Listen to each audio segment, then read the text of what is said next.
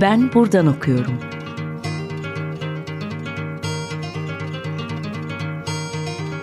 Edebiyat ve başka şeyler.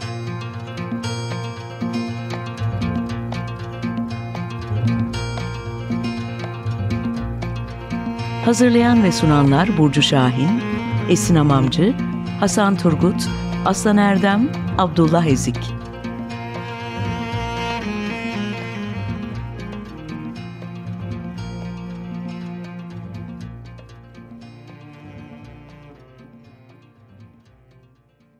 Herkese merhaba. 95.0 Açık Radyo'dasınız. Ben Abdullah İzlik. Bugün Ben Buradan Okuyorum programında Özgür Türetay ile birlikte Osmanlı Devleti'nin Fransızca resmi gazetesi Le Moniteur Ottoman üzerine konuşacağız. E, gazetenin takvimi ve kaydeden farkı, kuruluş hikayesi ve ilk 106 sayılık süreçte ne tür bir yayıncılık anlayışıyla okurla buluştuğu üzerine konuşacağız. E, Özgür Türetay e, Galatasaray Üniversitesi'nde uzun yıllar çalıştıktan sonra hali hazırda e, yayınlarına fa, e, Fransa'da devam ediyor. Öncelikle teklifimizi kabul ettiğiniz için çok teşekkürler Özgür Bey. Rica ederim. E, ben ilk soruyu sorarak aslında biraz konuya giriş yapmak istiyorum. E, Le Monitor, e, Le Monitor Ottoman e, takvim ve kayden birkaç gün sonra 5 Kasım 1831'de yayın hayatına başlayan ve Osmanlı'nın e, devlet eliyle gazetecilik politikasının en önemli ayaklarından ve uzun yıllar devam eden ayaklarından birisi. Hem sergilediği sürer, e, süreklilik hem de içeriğindeki haberler, bültenler, e, devletin politikaya ve iç meselelere nasıl yaklaştığına dair e, görüntülerle, e, söylem ve dilsel unsurlarla dikkat çekici bir konu. E, takvimi vekayı Türkiye'de çok araştırılan, e, üzerine de birçok çalışma yapılmış bir konu olmasına karşılık e, işin bu Fransızca ayağı bu kadar ilgilenilmedi, bu kadar araştırılmadı. Sizin de geçtiğimiz haftalarda yayınlanan makaleniz tam olarak aslında bu konuya değiniyor. Ee, öncelikle e, Le Moniteur Ottoman'ın takavimi vekayeden farkı, ne tür bir yayıncılık anlayışı güttü ve aslında nasıl bir ekip ile e, çalıştığı üzerine e, biraz konuşarak başlayalım isterseniz. E, teşekkürler. E, takvimi veka, vekaiden farkıyla başlayacak olursak önce benzerliklerini söylemek lazım. İkisi de Osmanlı Devleti'nin resmi gazetesi. Dolayısıyla ikisi de e, çok büyük oranda Sultan II. Mahmud'un çevresindeki reformcu e, bir grubun kontrolünde çıkan yayınlar. Yani bunlar devlet gazetesi. E, takvimi vakayı, vekaideki resmi haberlerin e, büyük bir kısmı hemen hemen hepsi Le Moniteur Ottoman'da çevriliyor Fransızcaya. Tabii bu çeviride e, dilsel olarak e, çok ciddi bir sadeleştirme ve editoryal bir çalışmayla birlikte gerçekleşiyor bu çeviri. Yani bir birebir çeviri olarak değil, o günün Fransızcasına ve çok başarılı bir şekilde çevrildiğini görüyoruz. Fransızca bilen birisi bunu okuduğunda ve o dönemin Osmanlıcasına hakim birisi o dönemin Fransızcasıyla e, bunu karşılaştırdığı zaman çok başarılı bir çeviri olduğunu görüyoruz. Bunun dışında e, bu gazetenin aşağı yukarı üçte birlik bir bölümünü kaplayan bir kısım, bazen dörtte birlik bir bölümünü kapsayan bir kısım. Geri kalan kısmında, Le Moniteur Ottoman'dan bahsediyorum. Burada daha çok e, Fransız basını e, başta olmak üzere Avrupa basınından dönemin daha çok diplomatik ama bazen de iç siyasi gelişmeleri yani ne bileyim Fransa'da işte bir takım ayaklanmalar olmuş olabilir ekonomik sebeplerle, sosyal sebeplerle. Bunlara dair gazetelerden doğrudan aktarma yapılıyor. Ve burada da hani Osmanlı okurunu, Osmanlı devlet seçkinini ilgilendirir falan gibi bir endişe pek yok. Yani doğrudan Avrupa'dan haberler gibi bir kısım. E, bunun neden e, orada bulunduğu sorulabilir. Bu ayrı bir soru olursa cevap veririm. Bunun dışında da üçüncü bir bölüm olarak e, Alexander Black yani Le Moniteur Ottoman'ın müdürü olan bir e, Fransız avukat Marsilya kökenli. Kendisi ailesi 1820'li yıllarda e, kendisi henüz 20 küsur yaşlarındayken İzmir'e yerleşiyor ve e, burada bir süre sonra gazetecilik yapmaya başlıyor Yunan isyanı sırasında ve Osmanlı Devleti'ni savunan bir yönde bir gazetecilik yapıyor. Fransızca bir gazete çıkarıp daha sonra bir başka gazete çıkarıp sonunda da İstanbul'a çağrılıyor. İstanbul'da işte bu resmi gazetenin esas fikir babası da bu insan büyük ihtimalle. Osmanlı arşiv belgelerine göre de çok büyük etkisi olduğunu görüyoruz. E, bu kişinin kendi siyasi ve e, düşünsel ilgi alanlarını yansıtan yine Avrupa basından bazı seçmeler veya daha çok onlar üzerine kendi yorumları bulunuyor ve burada çok fazla sayıda ekonomi politik yani siyasal iktisat yazısı var. Son bölüm olarak da Le Moniteur Otoman'da ilanlar var. Çok ilginç e, bir kısım bu. E, İstanbul'da o dönemki İstanbul'un özellikle Peras'ında e, Levantenlere ve Avrupa kolonisine yani Franklere yönelik tüketim e, malzemeleri veya hizmetler. Yani bu bir terzi olabilir, işte matematik dersi veren birisi olabilir, bir tür dershane olabilir. E, e, garip e, mahlukatların sergilendiği e, bir gösteri evi olabilir falan. Bu tür şeyler. Yani bu dört ana başlıktan resmi kısım, Avrupa basından çeviriler, Alexander Black'ın kendi siyasi düşünce dünyasını yansıtan bir takım özellikle kendisinin yazdığı yazılar ki bunların arasında pek çok Osmanlı Devleti'ni ve İslam dinini Avrupa kamuoyunda savunmaya yönelik şeyler de var. Son olarak da bir ilanlar kısmı var. Bu da iktisat tarihçileri için veya kültür tarihçileri için ilginç sayfalar e, sunuyor bize. Peki tam da bu noktada şeyi sormak istiyorum. Bu devlet eliyle yönetilen ve çıkarılan bir gazete. E, takvimi Vekai ile e, Le Monteur Ottoman'ın setlendiği kitle kimlerdir mesela? Bu gazete nasıl okur ile buluşuyor ve hangi okur kitlesi hedef oluyor? Böyle bir amaçtan, böyle bir yapıdan söz etmek mümkün müdür? Mümkün. Takvimi Vekai için e, Osmanlı arşiv belgelerinde bazı tarihçilerin bugüne kadar kullandığı bir takım belgeler var. Çok fazla belge yok, çok fazla iz yok ama olan belgelerden aklımıza yani pek çok sonuca varabiliyoruz. Birincisi e, 5000 5000 civarı bir tirajı var bu gazetenin. O dönem için çok takvim vekaiden bahsediyorum. Çok yüksek bir tiraj bu. 1830'ların başında Fransa'nın en önemli gazeteleri 20 bin kadar bir tirajla çıkıyorlar. Yalnız 1830'ların ortasına geldiğinde Fransa'da e, tirajı 130-140 binlere varan popüler dergicilik ve gazeteciliğe geçilmiş. Yani orada bir atlama e, anı var. Basın açısından kitleselleşme anı var. Osmanlı basınının bu resmi gazetesi onun başında çıkıyor. Dolayısıyla tirajı az değil. 5000 nüshanın e, taşraya, e, devlet dairelerine e, gönderildiğine dair yazışmalar var. Dolayısıyla buralarda okunması bekleniyor. Bunun dışında gazete çıkmadan önce Alexander Black Bey'in hazırladığı raporlar, tavsiye raporlarında e, bu gazetenin e, mahallelerde e, takvimi vekainin yani e, Türkçesinin e, cami avlularında, insanların toplandığı yerlerde, mesela müezzinler yani diksiyonu düzgün, okumayı bilen, düzgün bunu aktarabilecek olan e, devlet görevlisi olmasa bile bir şekilde kamu hizmeti yürüten kişiler tarafından ki müezzinlerin ismi ve imamların ismi geçiyor burada okunması yani halka duyurulması bir şekilde. Bu işin bir kısmı takvim ve hikaye için söyleyecek olursak çoğu zaman son derece ağdalı bir dil e, bitmeyen cümleler elbette o dönemin Osmanlıcası. Yani bunu dinleyen e, kimselerin anlayabilmesi çok kolay değil sıradan insanların. Fakat takvim vekaideki anlatılarda bazen e, şifahi dile, konuşma diline e, ak, geçilen kısımlar var. Buralarda bir gerçeklik algısı yaratılıyor. Bir takım tanıklıklar aktarılıyor. E, buralarda mesela son derece basit Türkçe de var. Yani bir takım insanlar bunu dinlemiş falan olabilir. Anlamış da olabilir büyük ihtimalle.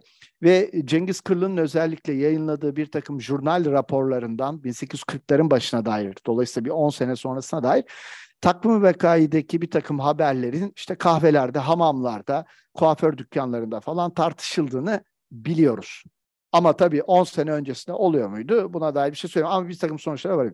Le Monteur Otoman'a gelince 300 nüsha basılıyor. Dolayısıyla çok az. Esas hedef kitlesi öncelikle İstanbul'daki Avrupa kolonisi, öncelikle ilk başta diplomatik çevreler İstanbul'daki ve onlar vasıtasıyla Avrupa kamuoyunu etkilemek.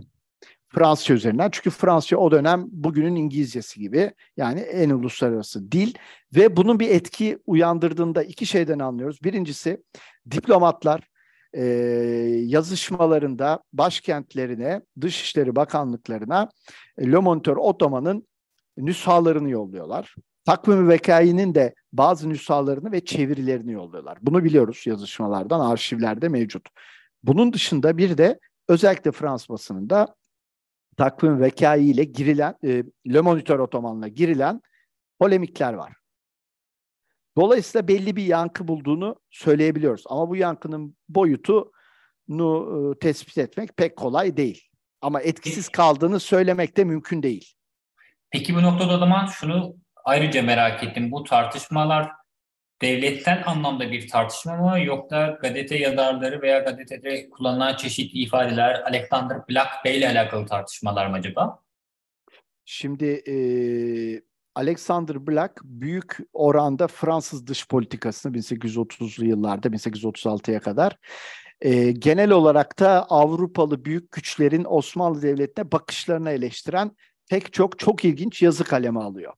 Bunlar bazen çok uzun, e, son derece düzgün bir retorikle çok başarılı bir kalemden çıkmış yazılar. Çok iyi bir yazar kendisi bu açıdan. Çok iyi bir polemikçi. Ee, ve bu tür yazıları İzmir'deki gazeteciliğinde de yapmış zaten ve o yüzden İzmir'de Frans konsolosuyla, Rus konsolosuyla, diğer devletlerin diplomatik çevreleriyle başı derde girmiş, matbaasına el konulmuş, orada kısa bir süre gözaltında tutulmuş falan. Yani kişisel bir hal alıyor bu tartışmalar. Ed, e, Alexander Black burada Osmanlı Devleti'nin sözcüsü gibi değil. Osmanlı Devleti'nde yaşayan bir müstemin zaten kendisi. Yani orada oturma izni olan bir yabancı. Tarafsız bir yabancı gözüyle Osmanlı Devleti'ni sunan bir kişi olarak sunuyor kendisine. Tabii ki bu bir konumlanış. Yani e, Osmanlı Devleti'nin resmi gazetesinin müdürü kendisi. Burada belli bir maaş var falan filan. Fakat e, Le Monteur Otoman'ın içeriğini okuduğumuz zaman ve resmi gazetenin Türkçe versiyonuyla karşılaştırdığımız zaman arada o kadar farklar var ki resmi kısımlar haricinde çok fazla bir yönlendirme olmadığını da yani Osmanlı e, yönetici seçkilerin Alexander Black'a Fransız kendileri Fransız basınını Avrupa kamuoyunu yakından takip edip ya Alexander Bey lütfen şuna da cevap ver falan demeleri gibi bir durum söz konusu değil. O biraz görev çıkarıyor. Zaten işi bu. Yani o bir uzman ve Osmanlı Devleti'ni savunmak. Böyle bir ilişki var arada. Dolayısıyla aslında sadece devletin e, ön ayak olduğu ve tamamen her şeyi yönettiği bir süreçten ziyade devletin tanıdığı kısmi öncülük alanları ve Alexander Bey'in de uyandırdığı tabii ki güvenle gelişen bir süreç söz burada. Ee, peki burada belki küçük bir e, şarkı arası verebiliriz dinleyicilerimiz için. Ee, bugün Açık Radyo dinleyicileri için ne çalmak isterdin Özgür Bey? E, aklıma e, Ahmet Kaya'nın söylediği Mahur Beste geliyor. Hep beraber dinleyelim. Herkese merhaba. Özgür Süresay ile sohbetimizde kaldığımız yerden devam ediyor ve e, Osmanlı'nın Fransızca gazetesi olan Le Moniteur Otoman üzerine konuşmayı sürdürüyoruz. E, bu noktada benim aslında merak ettiğim konulardan birisi de biraz editoryal ve yazım sürecinden bahsettik. Biraz da bu gazete için kaleme alınmış makalelerin, yazıların onay süreci. Böyle bir süreç var mı? Ee, Alexander Black Bey tarafından kaleme alınan metinler bir onaya, padişaha, sadradama veya herhangi bir ilgili kurum veya kişiye yönlendiriliyor mu yoksa doğrudan matbaaya mı geçiliyor? Buradan isterseniz devam edelim.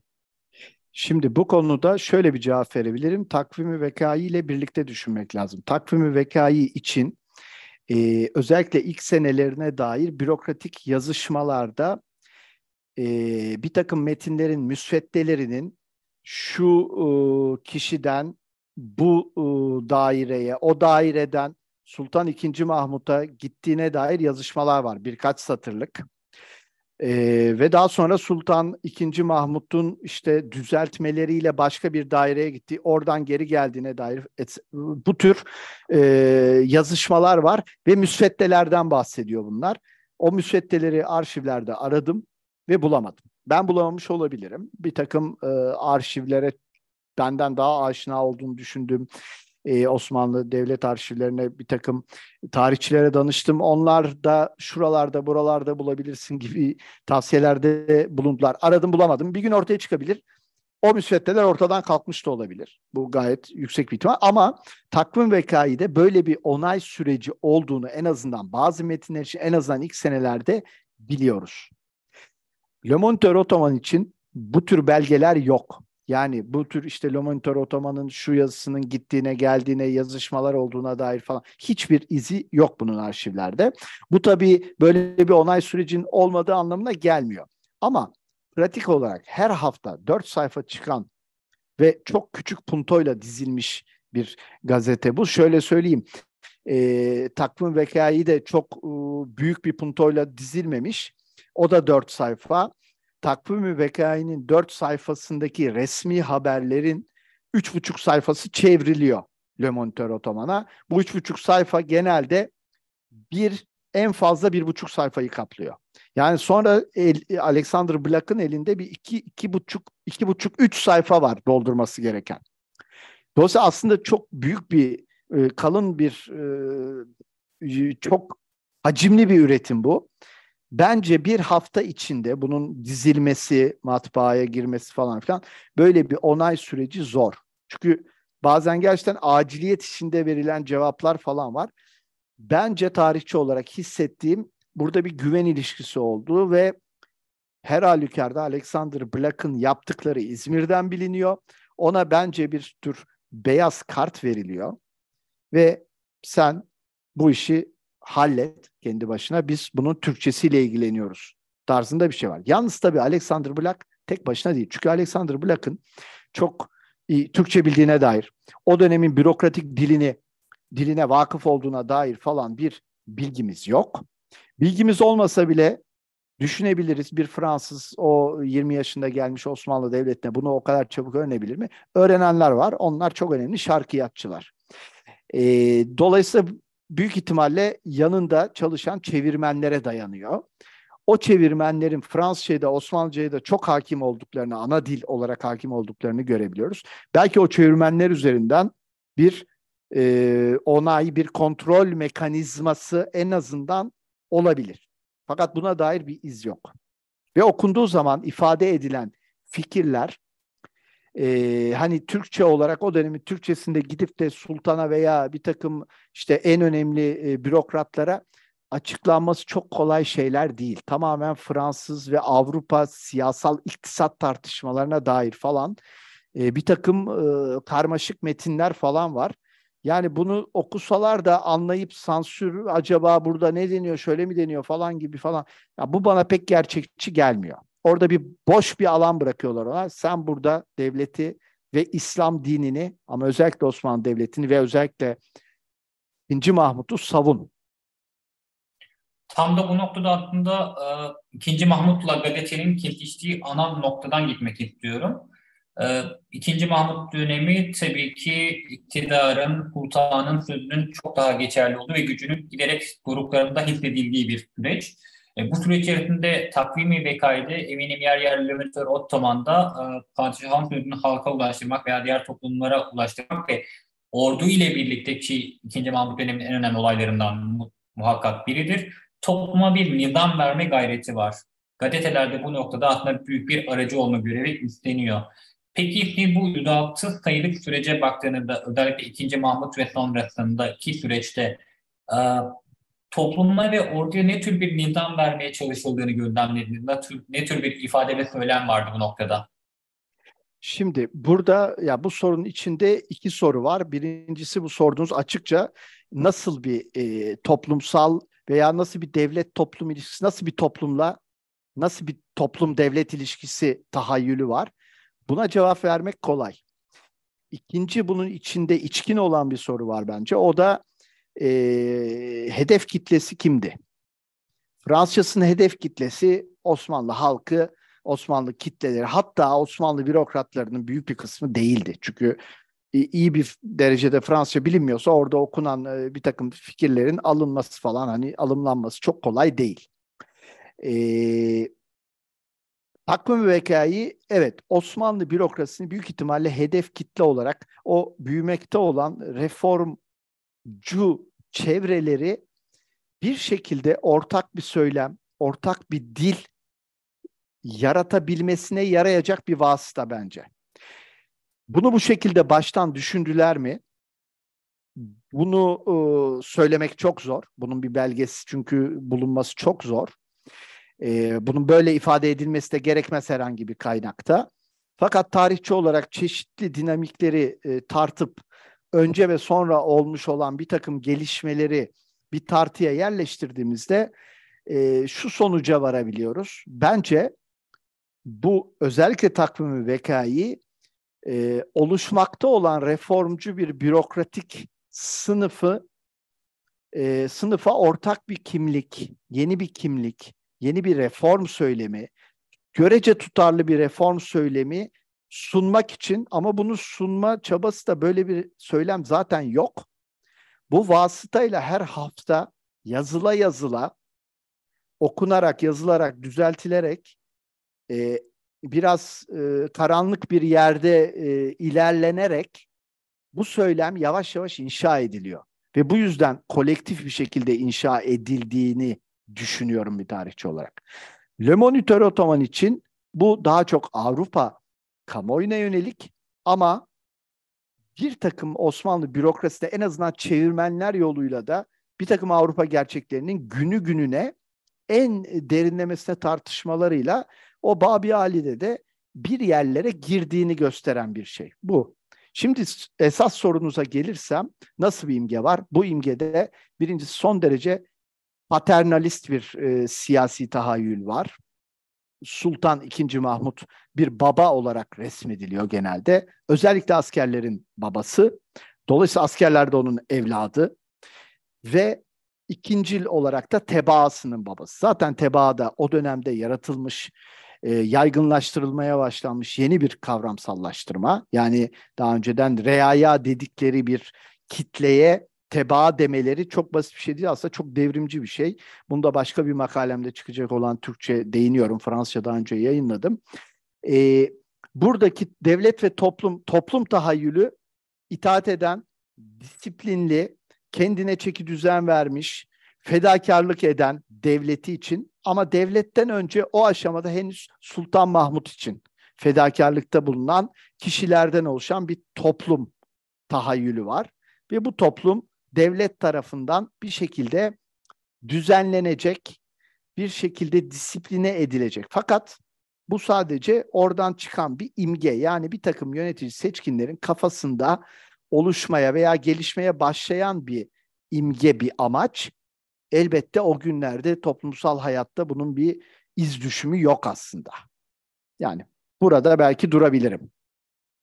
Ee, yani bu noktada biraz programının sonuna geldiğimiz için aslında belki durabiliriz. Ancak daha detaylı bir e, sohbeti yıldalık söyleşide yapıyoruz ve bunu Açık Radyo'nun internet sitesi üzerinden de e, dinleyicilerimi de okuyucularımı da sunacağım. E, son olarak eklemek istediğiniz bir şey var mıydı Özgür Bey? E, eklemek istediğim e, yani bu benim sadece bazı noktalarına değindiğim bir konu çok zengin bir e, tarihi kaynak Le Moniteur Otoman. Bambaşka araştırmalarda da iktisat araştırmalarında, kültür araştırmalarında da e, siyasi düşünce tarihi araştırmalarında başka şekillerde de kullanılabilir. Ben sadece bazı yönlerini burada ele aldım yazımda ve bugünkü konuşmamda. Bunu belirtmek istiyorum sadece. Çok teşekkürler. Bugün ben teşekkür ederim. Okuyorum programında Özgür Türetay ile birlikte Osmanlı Devleti'nin Fransızca resmi gazetesi Le Moniteur Ottoman e, üzerinden e, devrine dair, gazetenin içeriğine ve yapısına dair bir sohbet gerçekleştirdik. E, haftaya yeniden görüşmek üzere. Çok teşekkürler.